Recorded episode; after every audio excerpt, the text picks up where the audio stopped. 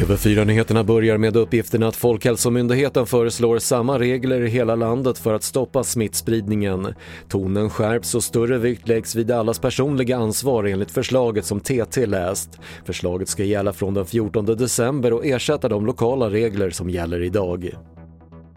Regeringen skjuter till 300 miljoner kronor till regionerna för covid-19-vaccinering som kommer att vara gratis. Så här sa statsminister Stefan Löfven på en pressträff tidigare idag. För det första, när vaccineringen sätter igång så kommer det att vara gratis för den som tar vaccinet.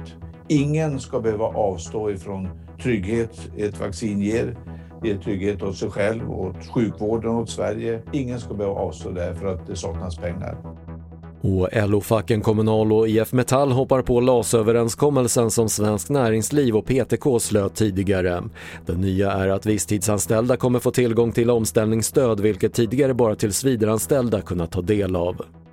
Det var det senaste från TV4 Nyheterna. Jag heter Patrik Lindström.